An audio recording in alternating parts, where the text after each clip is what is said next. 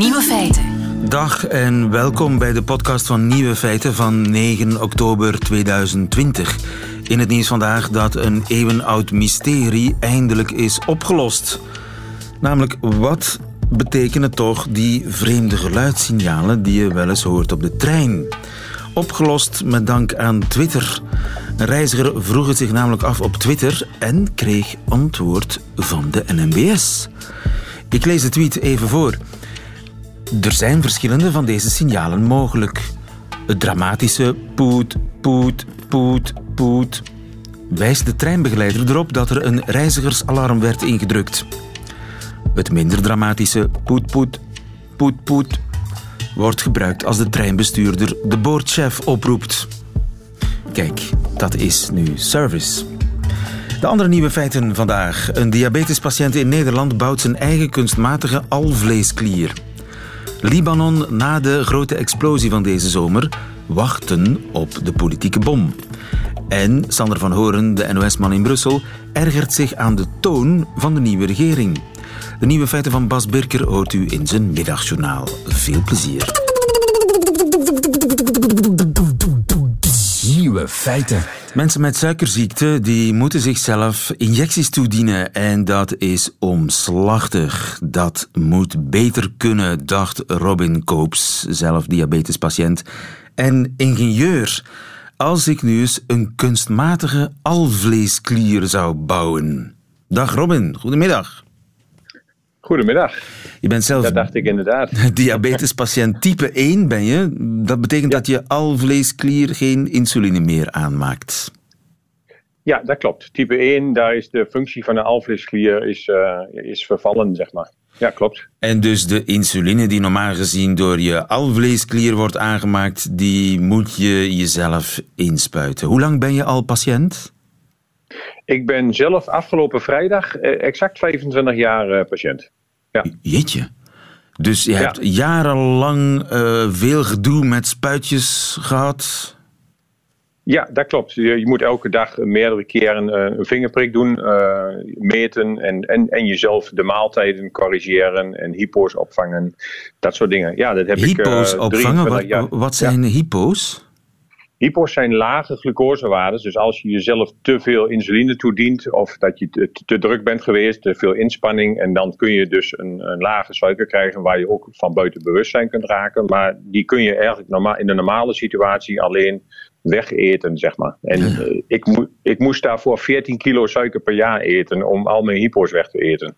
Jeetje. Dus je, Ja. het is heel belangrijk dat je de juiste dosis op het juiste moment krijgt. Je hebt 23 jaar bij je in de weer geweest met spuitjes.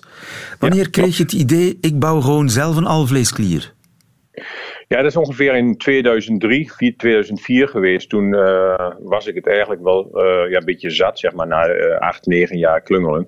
En toen- ben ik eigenlijk, ja, dit moet beter kunnen. Dus toen heb ik een technische oplossing bedacht, zeg maar. En die dus zowel insuline, maar ook glucagon toedient. Hè? Dus je eigen alvleesklier heeft ook twee hormonen in je lichaam.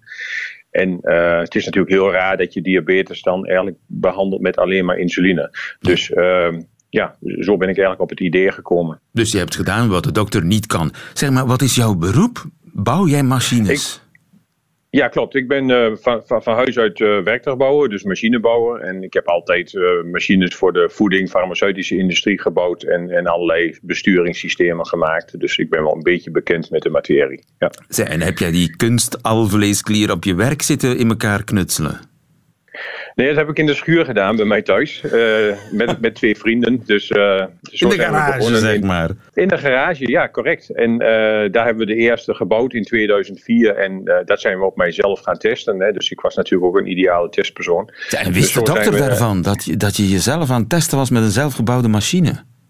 Nee hoor, dat hoeft de dokter toch ook niet te weten. nee, dat heb ik gewoon zelf gedaan. Dus ja, dat is, eh, ja, dat is goed te doen. Je bent als diabetes, weet je wel wat je wel en niet kunt doen, een beetje. En eh, het was natuurlijk ook een systeem waar we gewoon konden zien wat er gebeurde qua injecties en qua glucosewaardes. Dus, eh, Maar hoe ja, moet ik mij die, die kunst, kunstmatige alvleesklier, hoe moet ik mij die voorstellen? Is dat iets wat je, wat je in je broekzak steekt? Of, of wat je inbrengt in je lichaam op de een of andere manier? Nee, deze, deze kunstalvleesklier dat is dus een, gesloten systeem met het lichaam. Dat wil zeggen, eh, je hebt, daar kun je als, als patiënt of als diabetes thuis kun je die gewoon zelf net als een insulinepomp aanbrengen, zeg maar. Dus je hebt uh, twee sensors, die, die kun je zelf inbrengen. Dat zijn hele kleine fibertjes. En die, die, ja, die kun je gewoon in je buik, in je mond, ja, monteren zou ik zeggen. Uh, dus dat kun je thuis doen. En hetzelfde geldt voor de infusiesetjes. Die kun je ook inschieten. Zeg maar. Er zijn ook hele kleine naaldjes. Die zijn ongeveer 4, 5 mm lang. En die zijn van plastic. En dus die blijven zitten? Niet. Die blijven een aantal dagen zitten en daarna vervang je ze weer. Zeg maar. Dat is eigenlijk het enige wat je nu nog met dit systeem moet doen. Is elke paar dagen een infusiesetje of een sensor wisselen. Maar voor de rest hoef je niet meer na te denken over je, over je glucosewaardes. Ja. En het apparaat zelf, dat hangt ergens uh, aan je broeksriem of zo? Ja, ik heb hem zelf nu aan mijn broekriem. Je kunt hem ook, uh, als hij straks, we zijn nu bezig ook nog met een iets kleinere versie, ook voor kinderen straks. Die kunnen we dan gewoon in de, in de broekzak doen. Deze hangt aan mijn broekriem en, en s'nachts heb ik hem uh, in een hemdje, in een zakje op mijn buik en daar kan ik er gewoon mee slapen. Weet je dokter het intussen? Jazeker.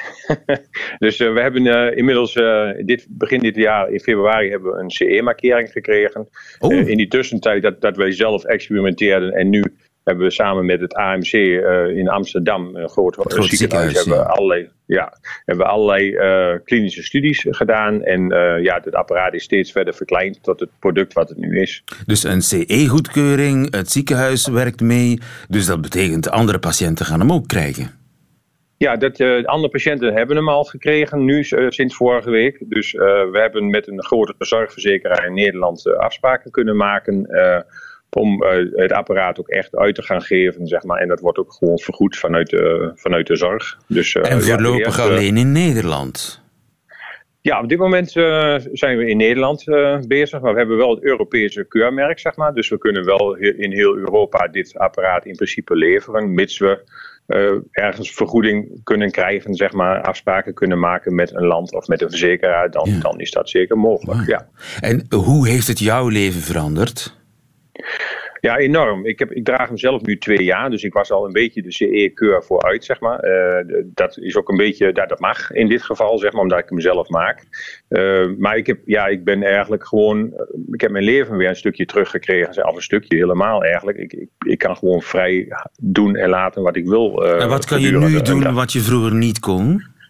Gewoon uit eten gaan, een lekkere pizza eten, uh, hardlopen, 7, 8, 10 kilometer. Dat soort dingen. Gewoon zonder dat je uh, na hoeft te denken of je glucosewaarde goed is. Gewoon de, de vrijheid in het dagelijkse leven. Een keer niet eten, bijvoorbeeld als het zo uitkomt. Uh, nou, dat soort dingen. Gewoon, Gewoon normaal, een normaal, normaal leven, leven, heb je terug. Na Precies, 23 exact. jaar knoeien met spuitjes. Ja, zeker. En, en, en wat ook nog een mooie bijkomstigheid was, dat heb ik nu na twee jaar. Ik, ik, ik, mijn ogen werden steeds slechter. En ik heb nu na twee jaar heb ik, uh, ja, nog een hele kleine correctie voor donker. Maar ik heb overdag al geen bril meer op, zeg maar. Dus dat is ook wel bijzonder. Ja. Roman, ik hoop dat er uh, heel veel patiënten een leven terugkrijgen dankzij jou. Ook in uh, ons land en overal ter wereld. Robin Knops, heel mooi. Ja. Dankjewel. Goedemiddag. Graag gedaan. Oké, okay, dank u wel. Feiten.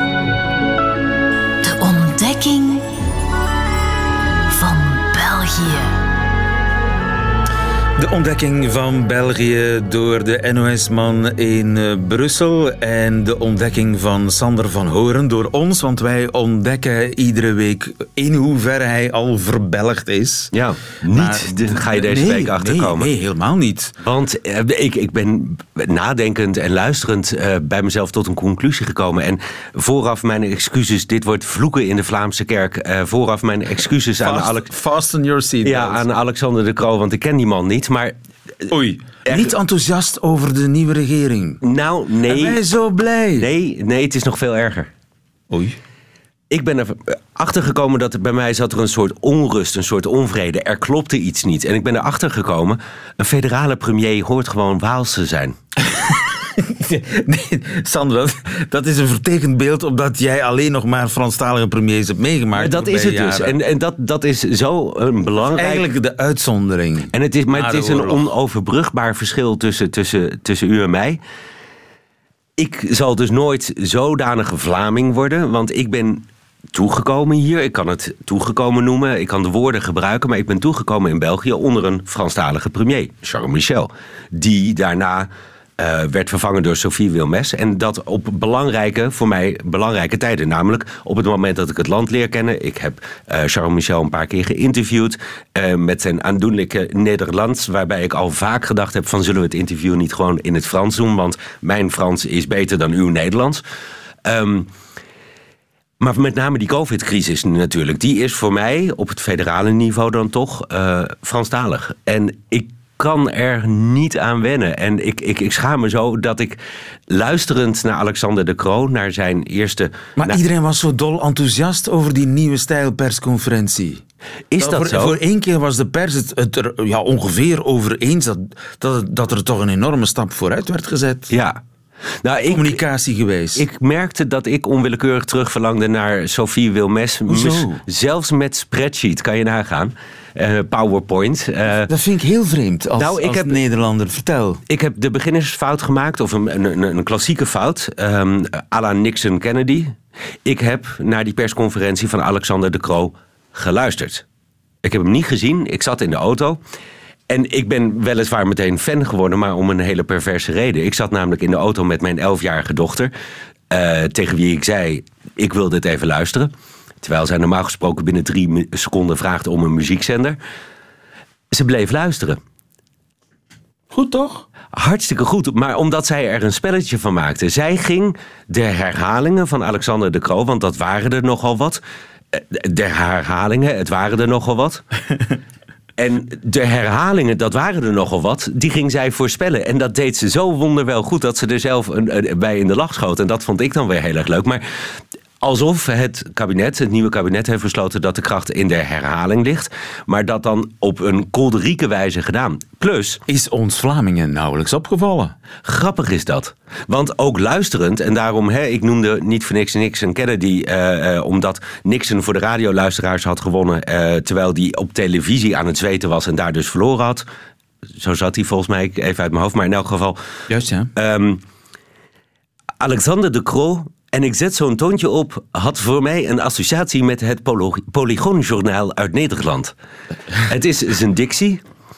En ik, nogmaals, ik was hem niet gewend, want ik ken vreemde dicties van premiers. Polygoonjournaal? Ja, dat is de uh, Philip Blommendal die in de bioscoop destijds uh, het nieuws oplas. Oh, ja, ja, ja, ja. Dus, jaren 50. Jaren 50. maar die had een hele vreemde dictie en een hele vreemde manier van articuleren. De koningin kwam aangewandeld in het par... enzovoort. Dat was mijn associatie bij Alexander de Croo. Omdat ik hem niet zag. Later zag ik hem en toen zat hij daar op een manier die inderdaad veel natuurlijker was dan Sophie Wilmes. Hij had wat, maar misschien maak ik het nu mooier in gedachten. Hij had wat papieren voor zich liggen. Maar kennelijk is de communicatie anders. En de aardigheid is dus dat op het moment dat je de hele tijd een waal hebt gehad die zich tot de Vlaming richt, is dat anders dan de Vlaming die zich tot de Vlaming richt. Alleen als je daarvan uit door gaat redeneren, dan maak ik me een beetje zorgen. Want luister naar Van der Broeke, luister naar Alexander de Croo. En als Nederlander kan ik me dan dus niet aan de aandacht onttrekken dat als er is nagedacht, uh, uh, uh, als er is nagedacht over welke toon slaan we aan, welke communicatiemethoden gebruiken we, dan zien zij de Vlaming als een kleuter. Waarbij kennelijk alles drie keer herhaald moet worden. Waarbij kennelijk Um, en zowel de kroon, maar vooral Van de Broeke heeft het gedaan. Uh, dat je op, op, moet afdalen tot het niveau van de Vlaming... die kennelijk het alleen maar erg vindt in het leven... dat hij niet meer naar het café kan. Want zowel de kroon als Van de Broeke... Ja, het is natuurlijk vreselijk. Ik doe het zelf ook niet graag. Maar die cafés, die moeten dicht. Ik doe het zelf ook niet graag. Maar ze moeten dicht. Ze moeten dicht, ik doe het zelf ook niet. Op die manier. Ja, je hebt bent een, toch bewijs, geen, een bewijsstuk meegebracht. Je bent toch geen kleuter? Van de Broeken, later ook in het journaal. Het is een zware klap, ongetwijfeld. Maar het is wel om knock-out te vermijden. Hè? Het is om complete knock-out te vermijden. Mm -hmm. Als we nu geen maatregelen nemen, eindigen we in de lockdown en dan is het knock-out. ja, verdorie gelijk. Dat is waanzinnig. Maar ook, en ik bedoel, ik heb Van der Broeke ook uh, bij de RTBF gezien. En daar doet hij het ook, die vaderlijke toon maar dan, uh, en de herhalingen. Maar daar heeft hij in elk geval niet de taal van de Vlaming. Maar ook in datzelfde journaal en in de persconferentie. Het tafelske. Dat je als je, naar het tafelke, als je aan een tafelke gaat zitten met vier personen. Tafelke? Ja, dat zei hij zo. Hij zei dus niet als je aan tafel gaat zitten in dat restaurant, doe je dat met maximaal vier personen. Maar Zij van, zij van den Broeke dat? Tafelke? ja, meerdere malen. En dat vond ik het enge, dat ook dat weer kennelijk is het adagium. En of dat beleid is, of dat hij dat zelf verzonnen heeft, dat weet ik niet. Maar is het adagium, je moet... De Vlaming is een kleuter. En je moet afdalen tot zijn niveau om die eh, erbij te houden. Terwijl ik, zou je mij vragen, hoe moet je het dan anders doen? Want dit werkt, ja, misschien voor de Vlaming, maar dan ben ik bang wat dat over de Vlaming zegt. Maar eh, wat Wilmes deed, dat werkte in elk geval niet of niet meer. De angst van de virologen werkt niet meer, hebben we het hier ook wel eens over gehad. Wat dan wel? Ik weet het niet. Maar of dit nou de manier is, ik weet het niet.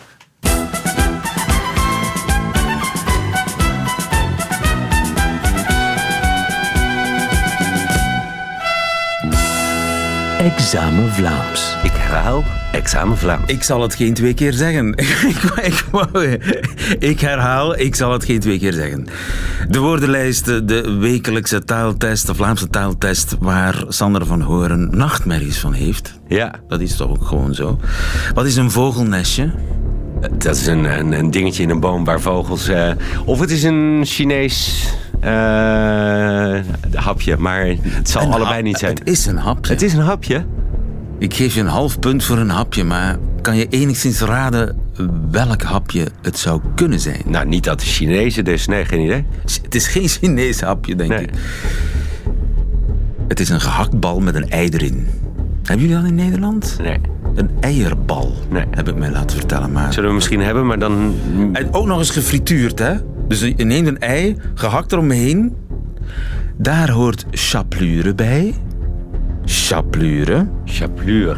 Ik ken het Franse woord niet, maar... Dat zal dan misschien mosterd zijn, geen idee. Het is een sausje, nee, geen idee. Chapelure? Nee. Mag ik even de chapelure? Nee, nee. Paneermeel. Maar weet je, dit, dit is heel grappig dat- dat ik dat dus niet ken. En Want ik sluit niet uit dat je in Nederland een ei met een gehaktbal eromheen, dat dat gewoon En bestaat. even in de, even in de Maar hier, ik- paneermeel rollen en dan de frituurpan in. Precies, maar ik heb best wel een probleem met mijn inburgering. Ik ben eigenlijk, want daar kwam ik in Nederland ook al niet, ik ben nog nooit in een frituur geweest. Of nog nooit geweest. Ik ben er natuurlijk wel eens geweest, maar ik, ik kom niet dagelijks. Ik bestel dat niet, ik eet dat niet. Dus dan, sorry dat ik dat niet weet. Dus als de hele Sander, woordenlijst... Sander van Horen, de correspondent Brussel van de NOS, is nog nooit in een frituur geweest. Schaam je. Voor een interview, maar niet om er te eten. Frikadel. Ja, oké, die hebben wij ook. Ja, maar wat is een frikadel in Vlaanderen? Oh, dat zal, is dat anders dan in Nederland? Bijvoorbeeld, wat is een frikadel volgens jou? Eh, dat is een, een, een, een, een vleespasta in een langwerpige drolvorm. Dat is een frikandel. Aha, en een frikadel is wat anders. Een frikadel is een gehaktbal. Met een ei Een erin. vleesbrood. Nee, zonder ijs op vleesbrood. Gehaktbal. Frikadel. Oké. Muizenstrontjes. Ja, enlighten me. Kom, ik, eh ik niet, dat weet je. Ja, maar je moet gokken, gokken, gokken. Muizenstrontjes. Oké, kleine balletjes van het een of het ander. Ehm, waar zou je dat van kunnen maken? Geen flauw idee.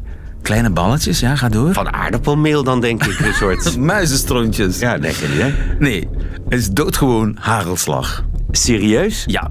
Hoe ziet hagelslag eruit?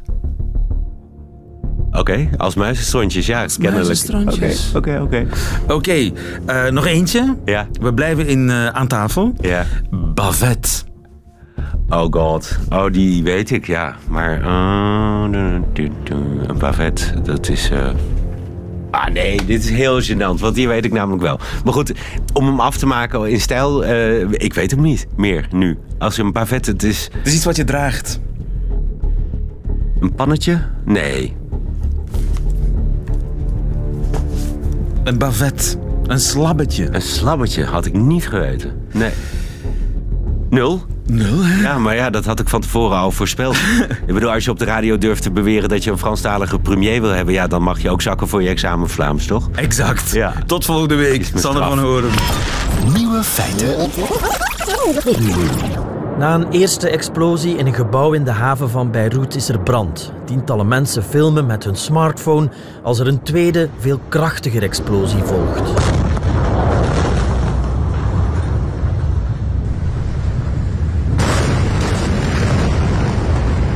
De klap was tot ver buiten Libanon te voelen, tot in Cyprus, 200 kilometer verderop. In wijken in Beirut, ver van de haven, zijn gebouwen ingestort. Twee maanden geleden, het leek alsof er een atoombom was ontploft in Beirut. Drie ton explosieven die opgeslagen lagen in een loods in de haven, die vlogen de lucht in. Een gigantische klap staat nog uh, op mijn netvlies gebrand. En de vraag is natuurlijk, hoe komt een stad, een land zo'n klap te boven en wat zijn de politieke gevolgen? Ik ga nu even beleefd goedemiddag Robbe tegen Robbe zeggen. Goedemiddag. Die we al gehoord hebben daarnet over uh, Walter de Buk. Goedemiddag ook Eugenie. Goedemiddag. Jullie zijn samen voor Canvas een reportage gaan draaien, gaan maken in Libanon. Wanneer zijn jullie vertrokken? Uh, ik denk 26 augustus zijn we vertrokken voor drie weken naar Libanon. Dus 26 augustus, dus twee weken, drie weken na de, de bom, zeg maar. En daar hebben jullie dan twee, drie weken rondgelopen in Libanon. Hoe hebben jullie die stad aangetroffen? Um, wel, we hebben de stad aangetroffen. Uh, we zochten eerst en vooral een slaapplaats. En we hebben eigenlijk ervoor gekozen om niet naar een hotel te gaan, maar echt uh, in de getroffen wijk uh, te, te verblijven, waar dat we ook de meerderheid van ons werk uh, konden doen. En we zijn dan via Airbnb in een appartement terechtgekomen zonder ramen.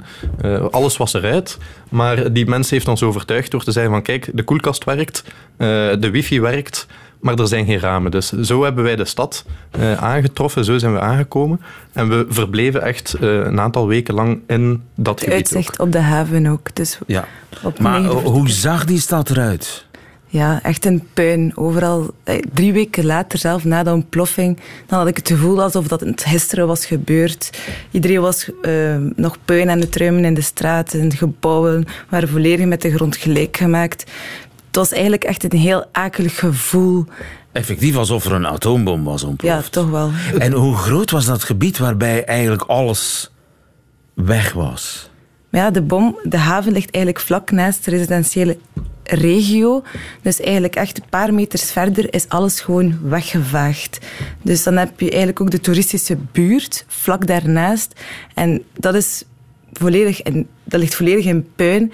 En dat is toch wel, ja, dat heeft u toch wel een akelig gevoel. Want dat is de bruisende stad. En nu zie je toch die verslagenheid bij de mensen die gewoon alles proberen terug um, recht te trekken en de gebouwen terug en op te bouwen. Dus. Ja, en dan als je iets verder gaat, dan staan de huizen nog recht, maar de, de, de ramen zijn gesneuveld. De, de, de haven ligt onwaarschijnlijk dicht bij het historisch centrum. En de plek waar, die, uh, waar dat am ammoniumnitraat werd opgeslagen, lag ook vlakbij die uitgaansbuurt. Dat is waanzinnig. Uh, wat wij beiden ook nog altijd niet kunnen begrijpen, waarom dat men dat daar zo lang heeft opgeslagen. Uh, voor Eugenie was het nog meer onherkenbaar, want zij kent Beirut als de bruisende ja, jij leuke hebt stad. Beirut gekend Um, als ja. het Parijs van het Midden-Oosten. Midden-Oosten, ja. ja. Het was nu ook Je hebt daar gewoond of gewerkt? Of, Uh, ik heb daar een tijdje gewerkt in het noorden met Syrische vluchtelingen, maar ja, je, je, vliegt altijd op Beirut en ik heb daar ook altijd mensen ontmoet en toch wel heel veel liefde ervaren. En nu was het mijn derde keer en zelf ik, ik ben geen Libanees, maar ik voelde het zo diep van binnen, de pijn die ze eigenlijk ervaren. Ja, ik, ik kan me niet anders voorstellen, mocht ik het overkomen, ik zou er niet meer aan willen beginnen. Dat was toch geen beginnen aan? Hoe zat het met de, met de, bevolking en, en de, de moreel bij de, bij de bevolking? Wel, vooral vier dagen na de explosie zijn ze eigenlijk de straat opgetrokken om alles op te kuisen. En dan hebben ze besloten, 8 augustus, kijk, nu gaan we allemaal de straat optrekken en ons ongenoeg uiten tegen de politici, want zij hebben dit ons aangedaan. Want zij wisten op voorhand dat er daar iets gevaarlijk lag in de haven. Dus er was eigenlijk onmiddellijk protest. Vier dagen je, na. Je zou denken, uh, eerste constant, uh, we gaan ons eerst focussen op de heropbouw, zodat iedereen ja, verzorgd wordt, de doden begraven. En dan, ja, uh, zo goed en zo kwaad als het kan, heropbouwen. Na drie dagen was er een, een gigantische betoging. Uh, en dan, toen Macron voor de tweede keer op bezoek is gekomen, was er opnieuw een, een groot protest. En was daar tijd voor?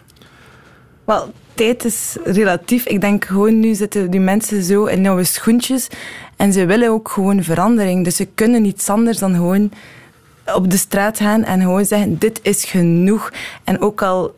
Um, het was een soort momentum, zo van als het nu niet gaat veranderen, zal het nooit veranderen, het politieke systeem. Ja, we, we laten ook wel duidelijk mensen aan het woord in onze reportage die, die uitleggen van uh, lang niet iedereen is meteen terug de straat opgegaan. Uh, er zijn mensen die het opgeven, er zijn mensen die uh, vluchten naar het buitenland. Er, er, is geen enkel land, de cijfers variëren, maar er is bijna geen enkel land met zoveel expats als Libanon. De, de mensen willen weg, dus er zijn er wel degelijk die het opgeven en die, die niet meer op straat willen komen.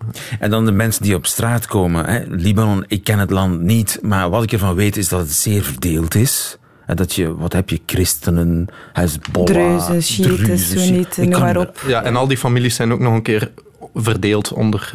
Die zijn ook nog een keer in... Bijvoorbeeld de, de Shiiten zijn dan verdeeld tussen Amal en Hezbollah. De christenen tussen de Druzen en de orthodoxen en de uh, Er is een enorme versnippering. Ja. En die versnippering, uh, die versnippering, hoe toont zich dat in die protesten? Gaan al die verschillende groeperingen samen protesteren dat is zo dezelfde vlag? Dat is, ja, ze verbinden zich onder één Libanese vlag. En dat is zo speciaal aan deze revolutie. Iedereen...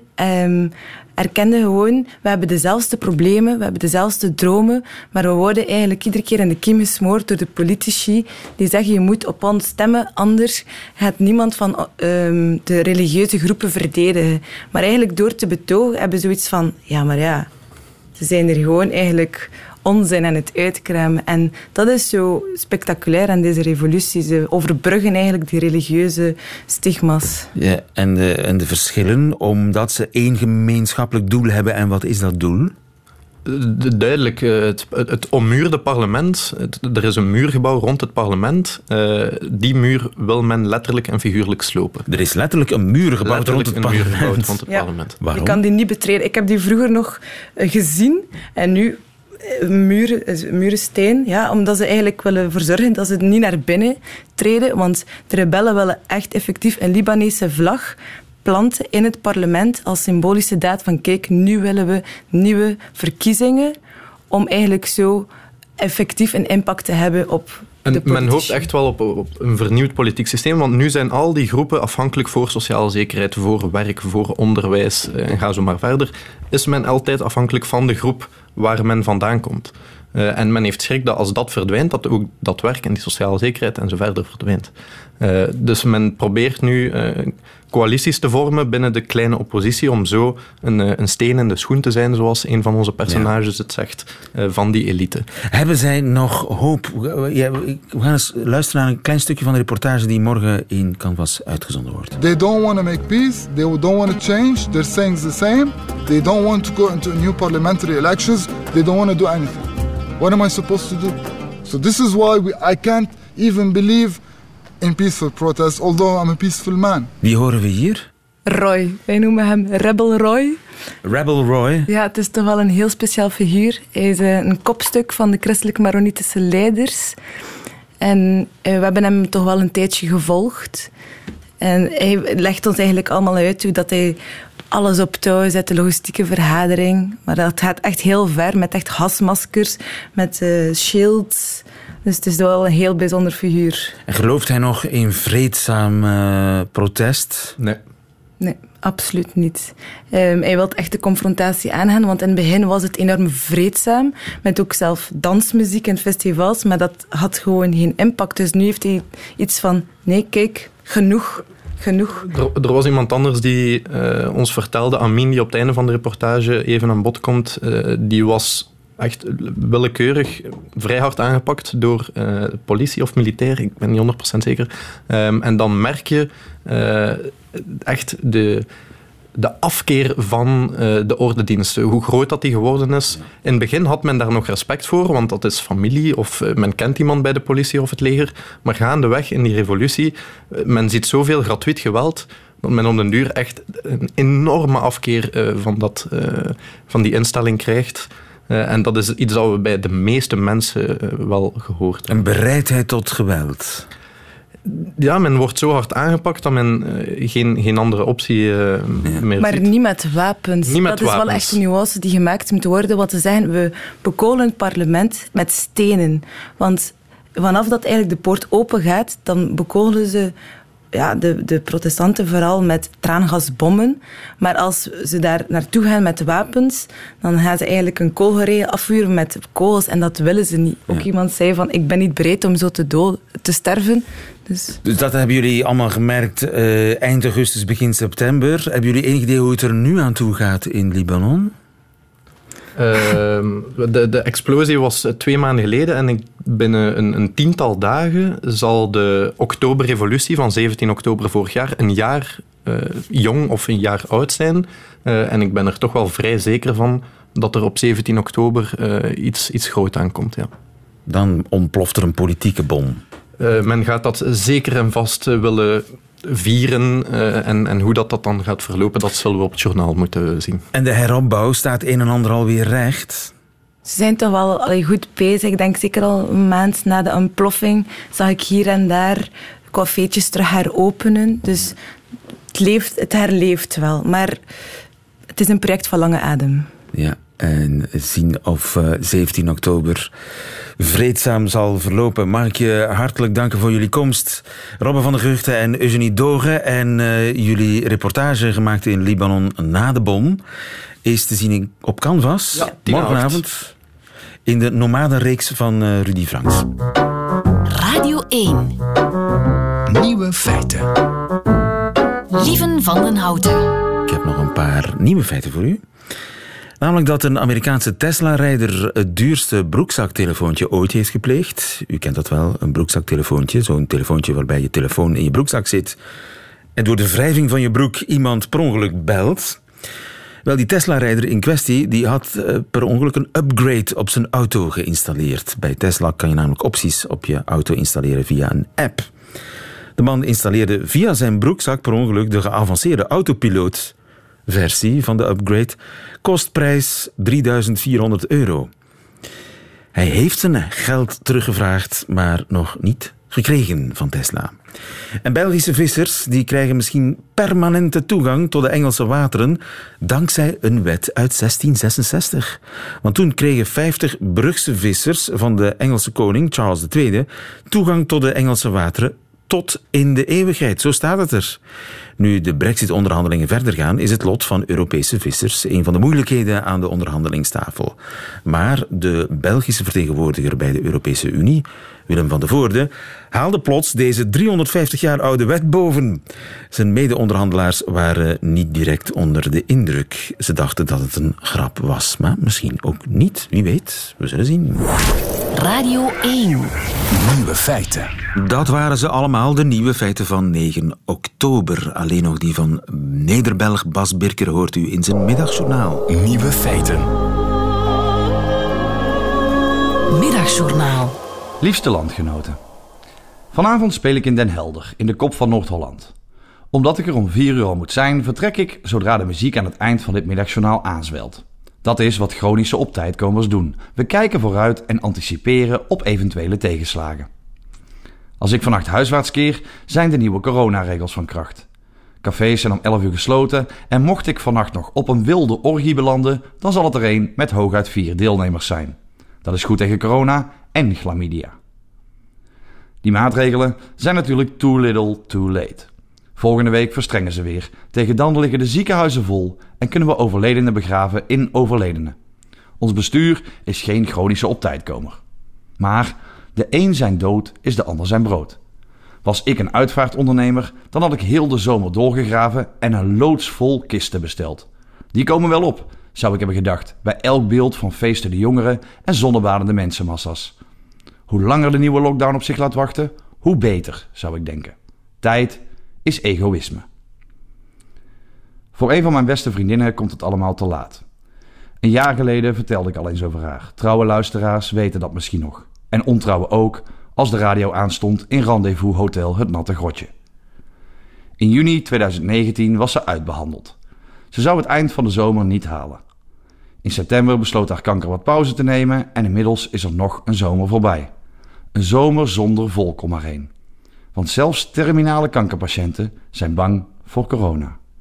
Als je van de 35 jaar dat je op deze wereld rondloopt er zeven aan het wachten bent op de dood, dan wil je niet eenzaam sterven tussen ingepakte verpleegsters, piepende machines en dito mensen.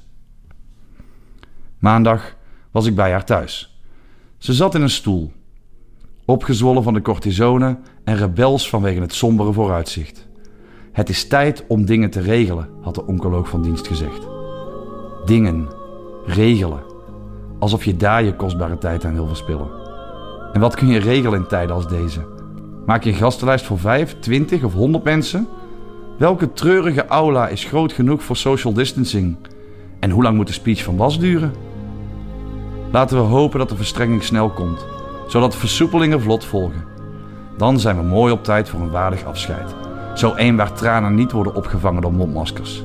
In een volle, grote zaal. Want ik speel geen kleine zalen. Tijd is egoïsme.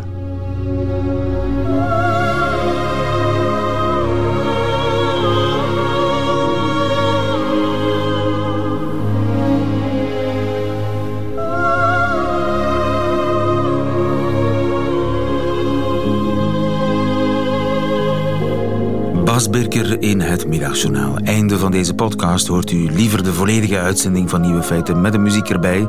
En alle toeters en bellen, dat kan natuurlijk ook live tussen 12 en 1 van maandag tot vrijdag op Radio 1. Of in uitgesteld relais op onze website of op onze app, waar nog veel meer fijne podcasts staan. Tot een volgende keer.